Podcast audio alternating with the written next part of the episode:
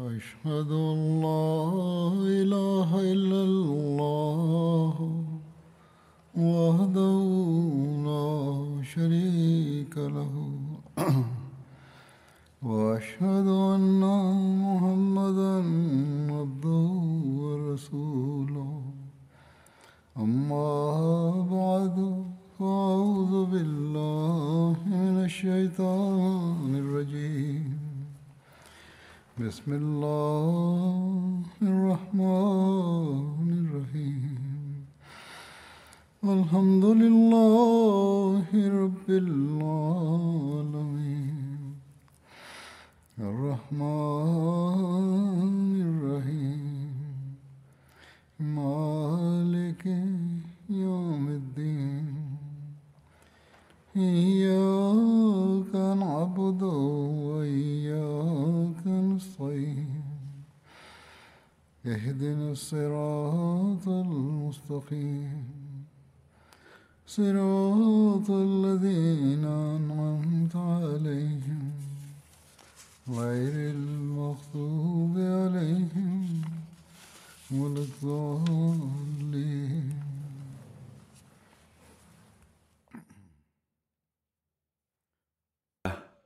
Berkenaan dengan peristiwa-peristiwa yang terjadi di masa Hadrat Abu Bakar radhiyallahu anhu yang disampaikan sebelum khutbah yang lalu telah disampaikan berbagai referensi yang darinya terbukti bahwa Hadrat Abu Bakar radhiyallahu anhu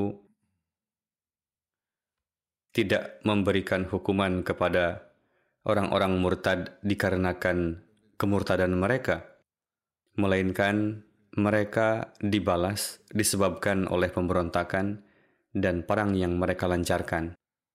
Berkenaan dengan hal ini, Sang Hakim Adil Hadrat Masih Maud alaihi salam juga menginterpretasikan kemurtadan di masa Hadrat Abu Bakar radhiyallahu anhu ini sebagai perlawanan dan pemberontakan. Oleh karena itu, dalam menjelaskan mengenai betapa gagah dan beraninya Hadrat Abu Bakar radhiyallahu anhu, beliau alaihissalam bersabda, Hal ini tidaklah tersembunyi dari para peneliti bahwa masa kekhalifahan beliau adalah masa yang penuh ketakutan dan musibah. Ketika Hadrat Rasulullah SAW wafat, berbagai macam musibah menerpa Islam dan umat Islam banyak orang munafik yang menjadi murtad, dan orang-orang murtad ini menjadi sedemikian lancang, dan sekelompok pembuat fitnah mendakwakan kenabian, dan sebagian besar orang Badui berkumpul di sekeliling mereka, sampai-sampai seratus ribu orang jahil dan jahat didapati bersama dengan Musailamah Al-Kadzab.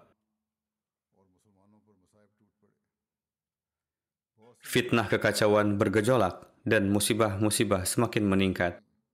Bala bencana mengepung dari berbagai penjuru dan suatu guncangan yang dahsyat menerpa orang-orang mukmin.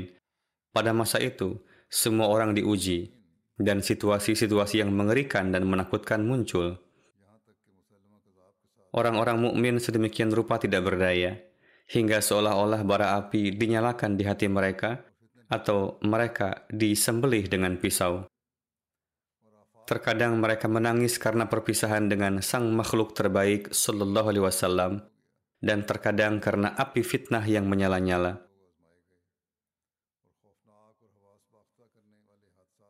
Tidak ada tanda-tanda perdamaian. Para pembuat onar menyebar luas layaknya rerumputan yang tumbuh subur di tumpukan kotoran. Rasa takut dan kekhawatiran orang-orang mukmin terus meningkat dan hati diliputi kengerian dan kegelisahan. Di masa seperti itu, Hadrat Abu Bakar radhiyallahu anhu diangkat sebagai hakim saat itu dan khalifah Hadrat Khatamun Nabiyyin sallallahu alaihi wasallam. Dengan menyaksikan sikap dan perilaku orang-orang munafik, kafir dan murtad itu, beliau radhiyallahu anhu tenggelam dalam kedukaan dan kesedihan. Beliau menangis sedemikian rupa layaknya hujan yang turun terus-menerus di musim penghujan dan air mata beliau mengalir bagaikan aliran mata air dan beliau memanjatkan doa untuk kebaikan Islam dan kaum muslimin. Terdapat sebuah riwayat dari Hadrat Aisyah radhiyallahu anha. Beliau menuturkan, ketika ayah saya diangkat menjadi khalifah dan Allah Ta'ala menyerahkan kepemimpinan kepada beliau, maka sejak awal kekhalifahan pun, beliau menyaksikan berbagai macam gelombang fitnah, aktivitas-aktivitas para pendakwa kenabian palsu, serta pemberontakan orang-orang munafik dan murtad. Begitu banyak musibah menimpa beliau, sehingga jika itu menimpa gunung-gunung, maka seketika akan runtuh dan hancur berkeping-keping. Namun beliau dianugerahi kesabaran layaknya para rasul. Hadrat Masih Maud Islam bersabda, hingga pertolongan Allah tiba dan para nabi palsu terbunuh dan orang-orang murtad dibinasakan. Fitnah-fitnah disingkirkan. Bencana dihilangkan, perkara-perkara diputuskan, dan permasalahan-permasalahan khilafat menjadi stabil. Allah Ta'ala menyelamatkan orang-orang mukmin dari bala bencana dan merubah kondisi ketakutan mereka dengan keamanan dan menganugerahkan keteguhan pada agama mereka dan menegakkan satu dunia pada kebenaran dan menghitamkan wajah para pembuat kerusuhan dan memenuhi janjinya dan menolong hambanya yakni Hadrat Abu Bakar Siddiq radhiyallahu anhu dan menghancurkan para pemimpin pemberontakan dan berhala-berhala dan menanamkan ke dalam hati orang-orang kafir rasa gentar sedemikian rupa sehingga mereka mundur. Lalu akhirnya rujuk kembali dan bertaubat. Dan ini adalah janji Tuhan yang maha perkasa dan dialah yang paling menepati janji dari semua yang menepati janji. Alhasil renungkanlah bagaimana janji khilafat tergenapi dalam diri Hadrat Abu Bakar anhu dengan seluruh tuntutan dan tanda-tandanya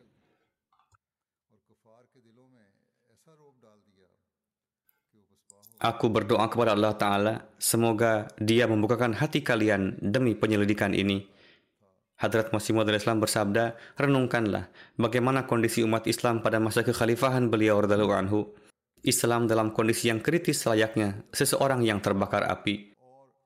Kemudian Allah Ta'ala mengembalikan kepada Islam kekuatannya dan mengeluarkannya dari sumur yang dalam dan para pendawa kenabian palsu dibinasakan dengan azab yang pedih dan orang-orang yang murtad dibinasakan layaknya binatang-binatang ternak. Dan Allah Ta'ala menganugerahkan kedamaian kepada orang-orang mukmin dari ketakutan yang di dalamnya mereka layaknya jasad-jasad yang tak bernyawa. Setelah diangkatnya penderitaan tersebut, orang-orang mukmin menjadi bahagia dan mengucapkan selamat kepada Hadrat Abu Bakar Siddiq dan menemui beliau seraya mengucapkan marhaban mereka memuji Hadrat Abu Bakar dan berdoa di singgasana Sang Rabbul Arbab untuk beliau.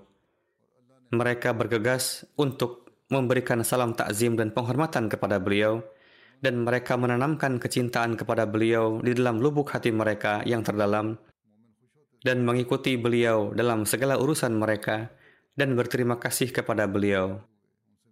Mereka mencerahkan hati mereka dan menyegarkan wajah mereka dan mereka semakin meningkat dalam kecintaan dan mentaati beliau dengan segenap perjuangan. Mereka memahami beliau radhiyallahu anhu sebagai satu wujud beberkat dan seperti halnya para nabi. Ini semua adalah dikarenakan ketulusan hati dan keyakinan yang mendalam dari Hadrat Abu Bakar radhiyallahu anhu. Ini dikutip dari buku Hadrat Masih Maud salam yang berbahasa Arab yang berjudul Sirrul Khilafah yang disampaikan tadi adalah terjemahan bahasa Urdunya. Ketika terjadi fitnah kemurtadan dan pemberontakan, Hadrat Abu Bakar mengutus beberapa ekspedisi ke sana. Sebagaimana telah disampaikan sebelumnya bahwa setelah kewafatan Hadrat Rasulullah SAW, kurang lebih seluruh Arab memilih untuk murtad. Ada sebagian orang yang hanya ingkar untuk membayar zakat, Upaya-upaya yang dilakukan oleh Hadrat Abu Bakar untuk menghadapi mereka telah dijelaskan sebelumnya. Kelompok kedua yang disebutkan yaitu mereka yang tidak hanya murtad dari Islam, tetapi juga memberontak dan membunuh orang-orang Islam. Hadrat Abu Bakar bertekad untuk mendapatkan informasi mengenai mereka. tertulis dalam buku Bidayah wan Nihayah bahwa setelah mengistirahatkan laskar Hadrat Usama, Hadrat Abu Bakar bersama pasukan muslim dengan menghunus pedang dan menaiki tunggangan berangkat dari Madinah menuju Zulkassah yang berjarak satu hari, satu malam perjalanan dari Madinah berdasarkan sarana transportasi yang ada pada masa itu. Para sahabat yang termasuk di antaranya Hadrat Ali bersikeras kepada Hadrat Abu Bakar bahwa kembalilah Anda ke Madinah dan utuslah seorang pemberani lain selain Anda untuk berperang dengan orang-orang Arab Badui.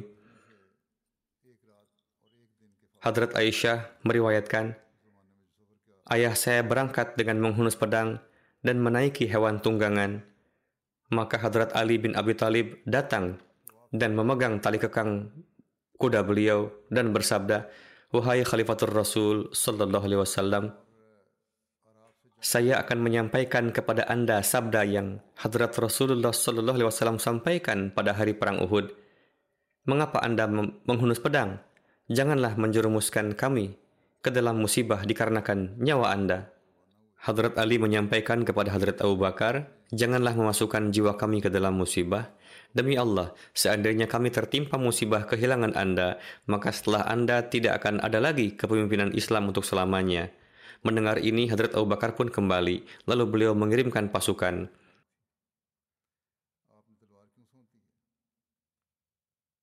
Ketika Hadrat Usama dan pasukan beliau telah beristirahat dan tunggangan mereka pun segar kembali, dan harta zakat pun telah banyak berdatangan,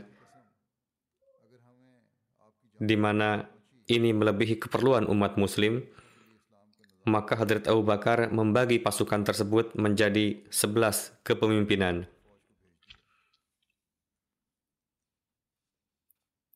Beliau menyerahkan kepemimpinan satu pasukan kepada Hadrat Khalid bin Walid dan memberi amanat kepadanya agar berangkat melawan Tulaiha bin Khuwailid. Dan setelah itu, agar ia juga bergerak untuk melawan Butaha bin Malik bin Nawirah. Mereka semua adalah orang-orang murtad yang hendak menyerang. Mereka telah berkumpul dan bersiap untuk menyerang. Butaha adalah nama sebuah mata air di wilayah Banu Asad. Hadrat Abu Bakar mengirimnya ke sana. Beliau juga menyerahkan kepemimpinan pasukan kepada Hadrat Ikrimah bin Abu Jahal dan memerintahkannya untuk menghadapi Musailamah.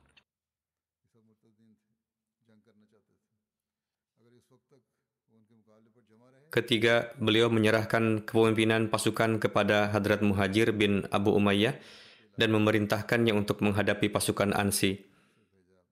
Lalu kepada Qais bin Makshu untuk menghadapi orang-orang Yaman yang menentang Abna yaitu untuk membantunya.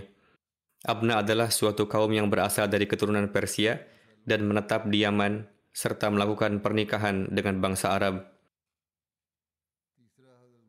Hadrat Abu Bakar memerintahkan setelah itu bergeraklah ke Hadramaut untuk melawan Kindah. Hadramaut juga adalah satu wilayah di Yaman. Keempat, beliau menunjuk Hadrat Khalid bin Sa'id bin As untuk memimpin pasukan ke Hamkatain yang terletak di perbatasan dengan Syam. Kelima, Hadrat Abu Bakar menunjuk Hadrat Amr bin As sebagai pemimpin pasukan lainnya dan memerintahkan mereka untuk menghadapi gabungan kelompok kuda, Wadiah, dan Haris Untuk memimpin pasukan keenam, Hadrat Abu Bakar menunjuk Hadrat Huzaifah bin Mahsan Gulfani dan memerintahkan mereka untuk pergi menuju para penduduk di Daba. Daba pun adalah suatu pusat perdagangan bangsa Arab di Oman. Ia adalah salah satu kota yang tua dan terkenal di Oman dan menjadi pusat perdagangan saat itu. Ketujuh, beliau menunjuk Hadrat Arfajah Harsamah memimpin pasukan dan mengirimnya ke Mahrah Marah adalah nama satu wilayah di Yaman. Hadrat Abu Bakar bersabda kepada keduanya, Berkumpullah Anda sekalian di satu tempat, namun masing-masing menjadi amir di wilayahnya masing-masing.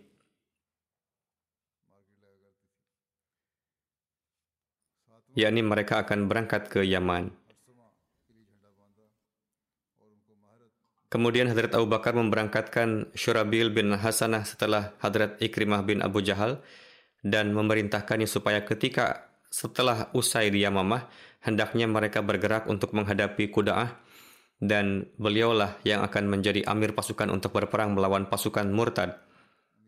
Kesembilan, beliau mengangkat Hadrat Turaifah bin Hajiz untuk memimpin pasukan lain dan memerintahkannya untuk menghadapi Banu Sulaim dan Hawazin. Pemimpin pasukan ke-10 beliau berikan kepada Hadrat Suaid bin Muqarrin dan memerintahkannya menuju daerah Yaman. Pimpinan pasukan ke-11 beliau berikan kepada Hadrat Ala bin Hadrami radhiyallahu anhu dan memerintahkannya untuk pergi ke Bahrain. Maka dari itu para pemimpin ini berangkat bersama para pasukannya dari Zulkassah Hadrat Abu Bakar mengamanatkan kepada amir setiap pasukan agar di tempat mana saja mereka singgah, mereka mengambil orang muslim kuat dari sana untuk ikut bersamanya dan hendaknya sebagian prajurit yang kuat ditinggalkan di sana untuk menjaga daerah itu.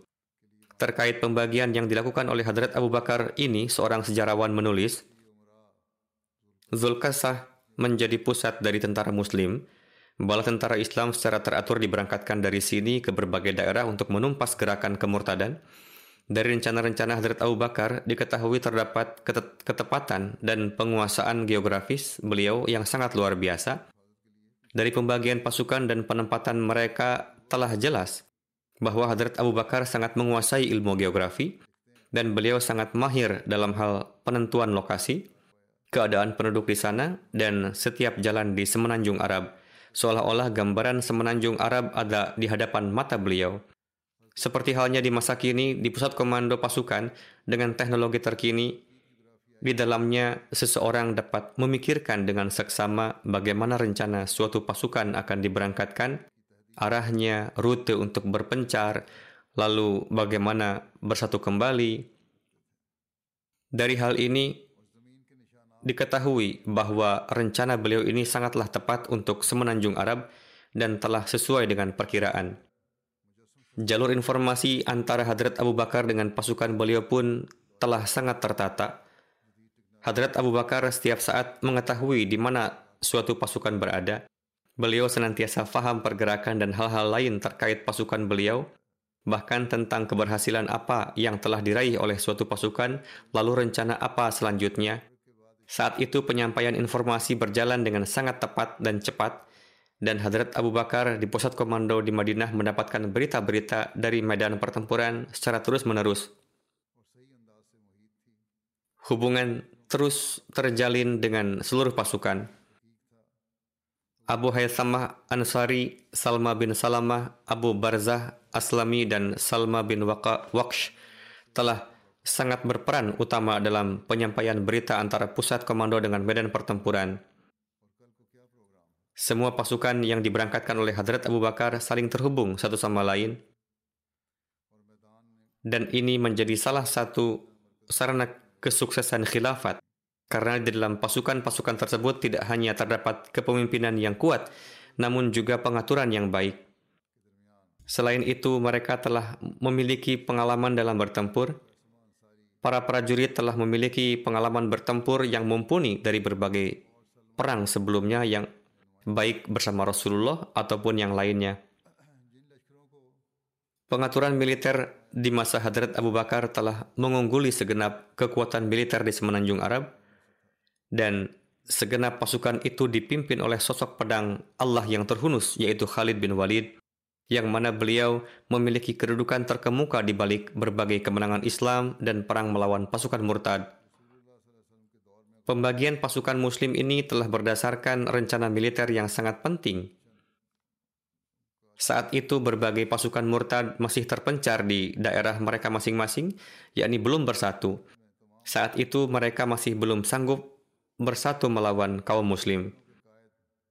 Kabilah-kabilah besar masih terpencar di tempat-tempat yang jauh. Saat itu mereka tidak memiliki waktu untuk sanggup bersatu karena masih awal kemurtadan. Saat itu masih belum berlalu masa tiga bulan atau lebih. Dan kedua, mereka belum memahami bahaya pergerakan dari kaum muslim. Saat itu mereka menganggap bahwa mereka akan menghabisi segenap kaum muslim dalam waktu beberapa bulan ke depan. Oleh karena itulah, Hadrat Abu Bakar menghendaki supaya secepat mungkin kekuatan mereka dilumpuhkan sebelum mereka sanggup menyatukan kekuatan kebatilan mereka. Oleh karena itulah, Hadrat Abu Bakar mengetahui keadaan mereka sebelum fitnah mereka menyeruak dan beliau tidak memberi kesempatan untuk mereka sanggup menegakkan kepala mereka dan menyebarkan suara mereka yang kelak dapat menyusahkan kaum muslim. Terkait pengangkatan para pemimpin oleh Hadrat Abu Bakar, seorang penulis seraya menyampaikan beberapa hal menuturkan. Pertama, di dalam rencananya, Hadrat Abu Bakar mengatur bagaimana supaya di antara pasukan terjalin hubungan erat dan saling membantu. Meskipun arah dan tujuan mereka berbeda, namun mereka semua terjalin menjadi satu rantai. Perpisahan dan pertemuan mereka berada di bawah satu komando dan sosok khalifah di Madinah memiliki kuasa atas segenap hal di medan pertempuran, yakni semuanya ada di tangan khalifah. Kedua, Hadrat Abu Bakar Siddiq menempatkan satu bagian pasukan untuk menjaga pusat khilafat di Madinah. Dan beliau selalu dekat dengan jemaat para sahabat terkemuka untuk mengambil pendapat dan saran mereka dalam urusan-urusan pemerintahan. Ketiga, Hadrat Abu Bakar mengetahui bahwa masih ada kekuatan Islam di daerah-daerah yang terpengaruh gelombang kemurtadan. Beliau sangat berpikir supaya jangan sampai orang-orang muslim tersebut menjadi sara sasaran amarah golongan musyrik. Oleh karena itu, beliau memerintahkan para pemimpin pasukan supaya membawa orang-orang muslim di sana yang memiliki kekuatan untuk bersama mereka dan menempatkan beberapa prajurit untuk menjaga daerah-daerah itu.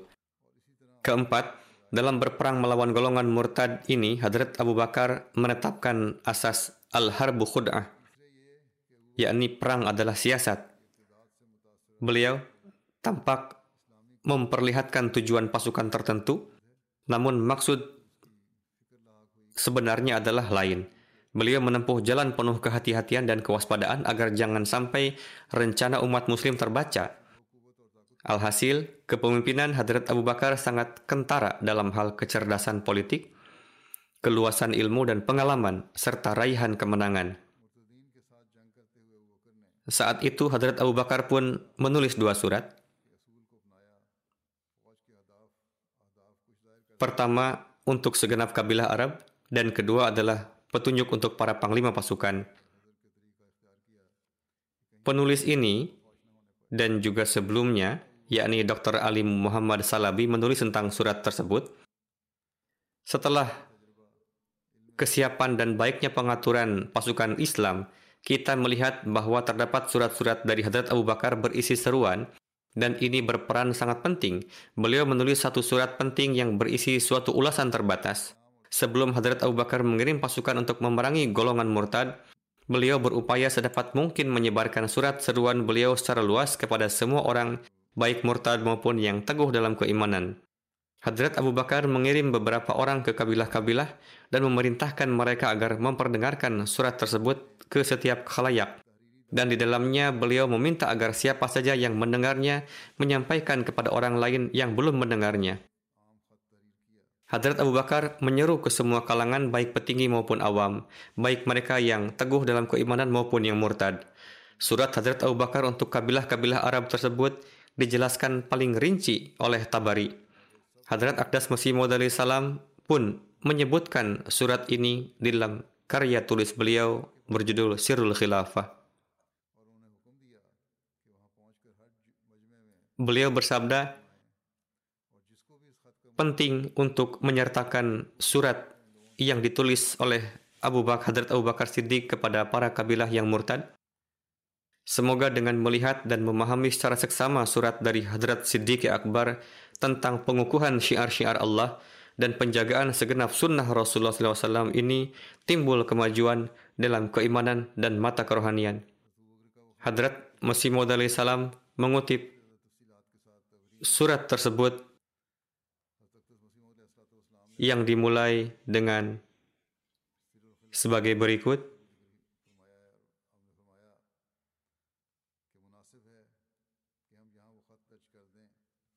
Awal suratnya seperti ini, Bismillahirrahmanirrahim. Surat ini dari Abu Bakar Khalifatul Rasul Sallallahu Alaihi Wasallam kepada orang yang menerima surat ini, baik kalangan awam maupun tertentu, baik yang tetap di atas keislamannya maupun yang telah murtad dari Islam. Keselamatanlah bagi yang mengikuti petunjuk, tidak kembali kepada kesesatan dan hawa nafsu. Sesungguhnya aku memuji Allah ke hadapan kalian. Tiada sekutu baginya dan aku bersaksi Muhammad adalah hamba Allah utusannya. Kami mengakui syariat yang dibawanya, mengkafirkan orang yang enggan menerima syariatnya dan akan memerangi mereka. Amma ba'du. Sesungguhnya Allah telah mengutus Muhammad dengan kebenaran yang ada di sisinya kepada seluruh manusia dengan membawa berita gembira dan peringatan datang menyeru manusia atas perintahnya sebagai matahari yang membawa berita yang menyinari bagi orang yang hidup dan akan menetapkan hukuman terhadap orang-orang yang kafir. Sesungguhnya Allah memberikan petunjuk kepada siapa yang mengikutinya. Sebaliknya, Rasulullah Shallallahu Alaihi Wasallam akan memerangi siapa saja yang berpaling dari agama ini, hingga akhirnya mereka masuk Islam baik secara sukarela maupun terpaksa. Kemudian Rasulullah wafat dan beliau telah menjalankan seluruh perintah Allah, menasihati umatnya, menunaikan seluruh tanggung jawab yang diberikan kepada beliau. Allah menerangkan dalam kitabnya yang diturunkan kepada Rasulullah untuk seluruh kaum muslimin dengan firman-Nya yang berbunyi, Innaka mayyitun wa innahum mayyitun. Sesungguhnya engkau akan mati dan sesungguhnya mereka pun akan mati. Az-Zumar ayat 30. Selanjutnya berfirman, "Wa ma ja'alna li basharim min qablikal khuld afa imitta fahumul khalidun." Dan kami tidak pernah menjadikan seorang manusia pun sebelum engkau untuk hidup kekal. Maka jika engkau mati, apakah mereka akan hidup kekal? Al-Anbiya ayat 34.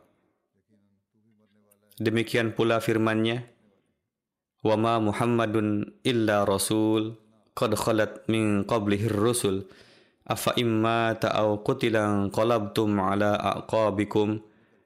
wa may yanqalib ala aqibaihi falay yadurrallaha syai'a wa sayajzillahu syakirin." Dan Muhammad tidak lain hanyalah seorang rasul. Sungguh telah berlalu rasul-rasul sebelumnya Apakah jika ia mati atau terbunuh, kamu akan berbalik atas tumitmu? Dan barang siapa berbalik atas tumitnya, maka ia tidak akan memudaratkan Allah sedikit pun. Dan Allah pasti akan memberi ganjaran kepada orang-orang yang bersyukur. Ali Imran ayat 144 Maka barang siapa menyembah Muhammad, ketahuilah bahwa Muhammad telah wafat dan barang siapa menyembah Allah, maka sesungguhnya Allah hidup dan tidak akan mati. Dia tidak pernah merasa mengantuk ataupun tertidur, selalu memelihara urusannya dan akan memberi balasan kepada musuh-musuhnya. Di sini aku wasiatkan kepada kalian agar selalu bertakwa kepada Allah. Niscaya ganjaran kalian akan kalian dapatkan dari Allah Ta'ala taatilah apa yang dibawa nabimu. Hendaklah kalian berpegang teguh pada agama Allah, karena sesungguhnya setiap orang yang tidak mendapat petunjuk dari Allah adalah sesat.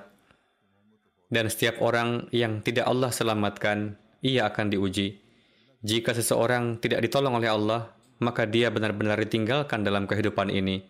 Jika seseorang mendapat petunjuk dari Allah, dia berada di atas petunjuk yang benar dan jika Allah menyesatkan seseorang, maka orang itu benar-benar sesat. Allah Ta'ala berfirman, barang siapa yang diberi petunjuk oleh Allah, maka dialah yang mendapat petunjuk. Dan barang siapa yang dinyatakan sesat olehnya, maka ia tersesat. Allah Ta'ala berfirman, May yahdillahu fahuwal muhtad, wa may yudlil falan tajida lahu waliyyam mursyida. Barang siapa diberi petunjuk oleh Allah, dialah yang mendapat petunjuk. Dan barang siapa dia biarkan sesat, maka engkau tidak akan memperoleh baginya penolong atau penunjuk jalan. Al-Kahfi ayat 17 Allah tidak akan menerima di dunia amal apa pun hingga beriman kepadanya.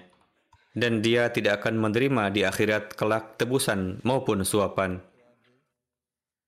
Telah sampai kepadaku berita bahwa di antara kalian ada sekelompok orang yang kembali murtad kepada agama lamanya setelah dia mengakui Islam dan mengamalkannya karena merasa sombong terhadap Allah, jahil terhadap perintahnya, dan karena mengikuti ajakan syaitan.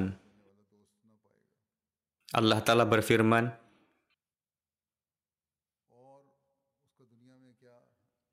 lil malaikati isjudu li Adama fasajadu illa iblis kana minal jinni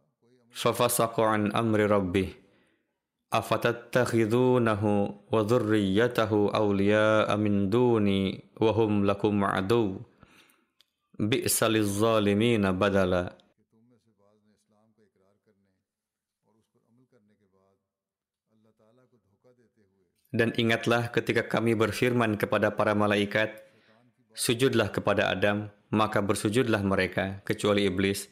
Ia adalah golongan dari jin, maka ia mendurhakai perintah Tuhannya. Apakah kamu hendak mengambil ia dan keturunannya sebagai sahabat selain aku? Padahal mereka itu musuh-musuhmu. Sangat buruklah pertukaran itu bagi orang-orang aniaya. Al-Kahfi ayat 50. Allah Ta'ala berfirman, Inna syaitana lakum aduwwun fattakhiduhu aduwwa. Innama yad'u hizbahu liyakunu min ashabis sa'ir. Sesungguhnya setan adalah musuh bagimu, maka perlakukanlah ia sebagai musuh. Sesungguhnya ia hanya memanggil golongannya supaya mereka menjadi penghuni api yang menyala-nyala. Al-Fatir ayat 6.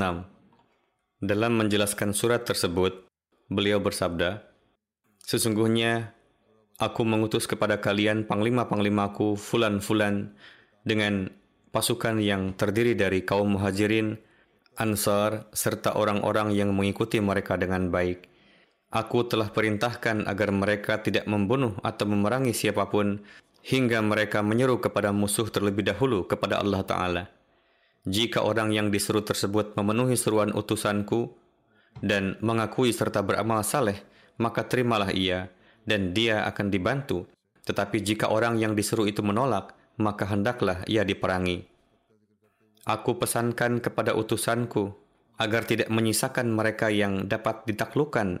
Hendaklah mereka dibakar dengan api dan dibunuh dengan sebenar-benarnya. Kemudian tawanlah para wanita dan anak-anak mereka, jangan diterima dari seorang pun kecuali kembali kepada Islam.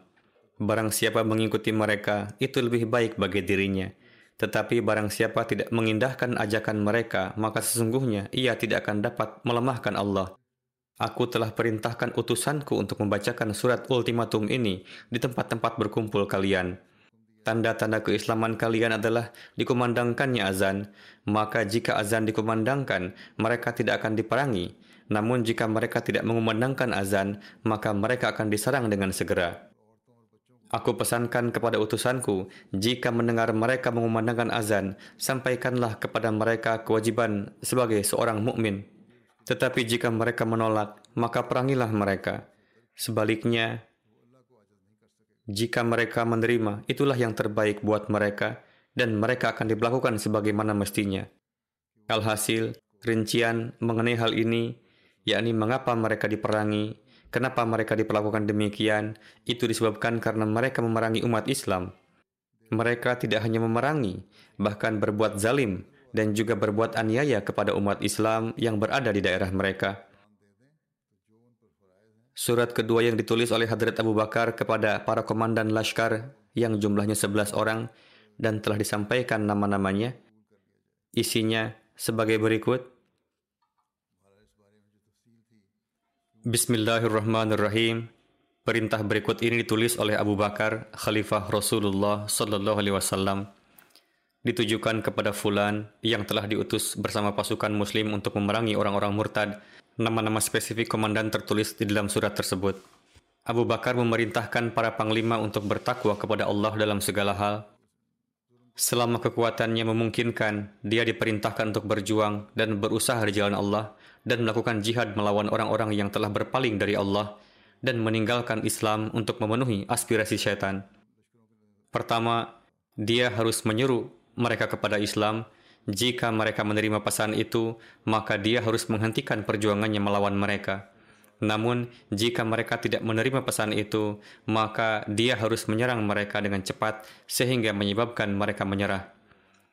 Kemudian, dia harus memberitahu mereka tentang hak dan kewajiban mereka, mengumpulkan dari mereka apa yang harus dibayar, dan memberikan kepada mereka hak-haknya. Dia tidak boleh memberi mereka jeda, dengan kata lain, jeda yang memungkinkan mereka untuk berkumpul kembali dan menyerang kaum muslim.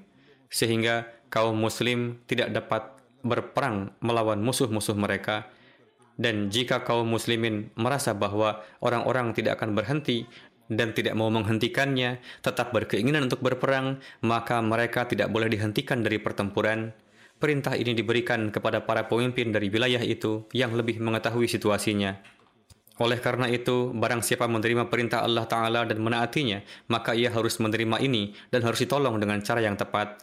Perang harus dilancarkan hanya terhadap mereka yang menerima apa yang telah datang dari Allah dan kemudian menolaknya setelah itu.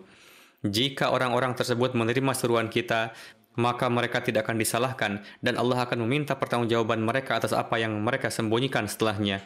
Dan barang siapa yang tidak menerima pesan Allah, perang harus dilancarkan terhadap mereka dan mereka harus dibunuh di mana pun mereka berada. Tidak peduli seberapa kaya mereka, tidak ada persembahan yang akan diambil sebagai tebusan dari siapa pun kecuali bahwa mereka menerima Islam.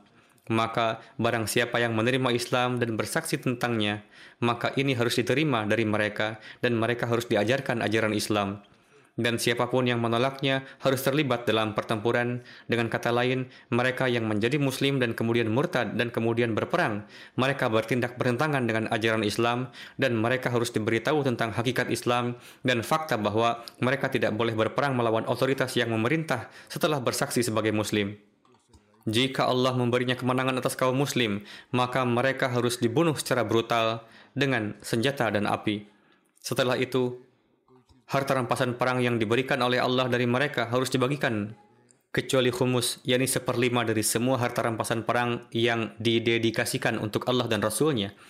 Ini harus disampaikan kepada saya komandan harus mencegah rekan-rekannya dari tergesa-gesa dan perselisihan dan tidak boleh mengizinkan orang asing memasuki barisan mereka sampai dia memastikan siapa mereka. Dengan kata lain, berhati-hati untuk tidak menerima sembarang orang yang bisa menjadi mata-mata dan untuk pertama-tama menyelidiki dan mengevaluasi dengan baik sebelum menerima siapa pun. Jangan sampai mereka menjadi mata-mata dan membuat kekacauan bagi umat Islam. Selama perjalanan, ia harus memperlakukan umat Islam dengan kebaikan dan kesederhanaan dan harus memperhatikan kesejahteraan mereka. Dia seharusnya tidak memerintahkan satu bagian tentara untuk bergabung dengan yang lain dengan tergesa-gesa. Dia harus memperlakukan muslim dengan kebaikan dan lembut dalam pidatonya ketika dia berbicara kepada mereka. Ada beberapa hal yang perlu dijelaskan lebih lanjut, namun belum dijelaskan. Terkadang hal itu menimbulkan kesan tidak baik terhadap Islam. Rinciannya telah saya sampaikan pada khutbah yang lalu, bahwa orang-orang murtad tersebut melancarkan serangan. Mereka tidak hanya berperang, bahkan menimpakan kezaliman kepada umat Islam yang tinggal di daerah mereka. Membunuhi, membakar mereka, membakar rumah-rumah mereka, dan mereka sendiri. Untuk itu Hadrat Abu Bakar memastikan untuk membalas kejahatan mereka. Seperti yang dikutip oleh Hadrat Masih Maud salam dari surat tadi, membalas mereka dengan hukuman yang setimpal, demikian juga hukum yang tertera dalam Al-Quran, yakni untuk memberikan balasan yang setimpal dengan kejahatan yang dilakukannya. Seorang penulis menjelaskan hal tersebut pada satu tempat, yakni Dr. Ali Muhammad Salabi, dikatakan bahwa orang-orang murtad pemberontak tadi dibakar. Memang membakar seseorang sebagai hukuman tidaklah diperbolehkan. Sebagaimana disabdakan, Innan nara la yu'adzibu biha illallah. Yakni, menghukum dengan api hanyalah tugas Allah Ta'ala. Namun di sini diperintahkan untuk membakar mereka karena para penjahat itu telah memperlakukan hukuman yang sama kepada orang-orang mukmin, untuk itu merupakan kisos bagi mereka.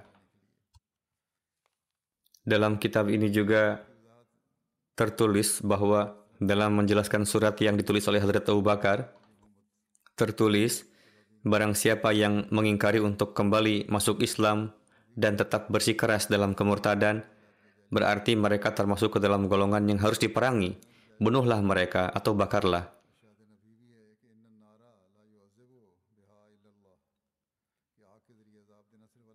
Dalam Al-Quran pun Allah Ta'ala berfirman, Berikanlah hukuman setimpal sesuai dengan kejahatan yang dilakukan kepada kalian.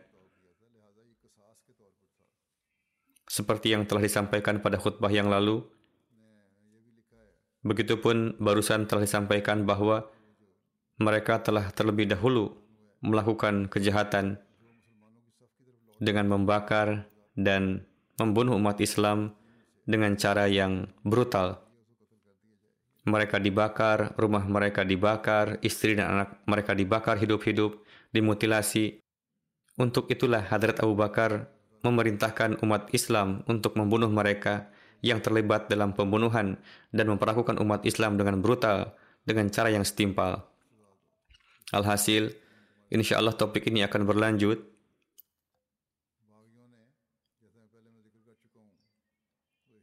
Dalam bulan Ramadan ini mungkin topik lain pun seputar Ramadan akan disampaikan.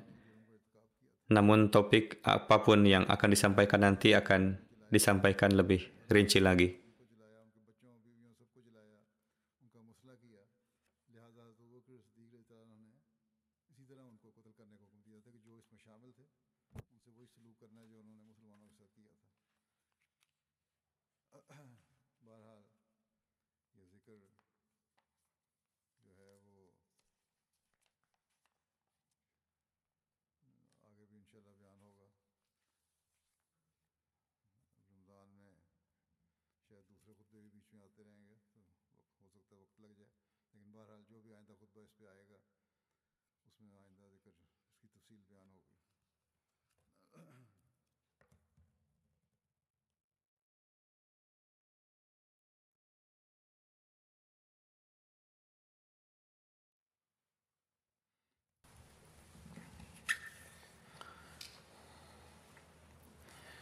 الحمد لله الحمد لله نحمده ونستعينه ونستغفره ونؤمن به ونتوكل عليه ونعوذ بالله من شرور انفسنا ومن سيئات اعمالنا من يهده الله فلا مضل له ومن يضلل فلا هادي له.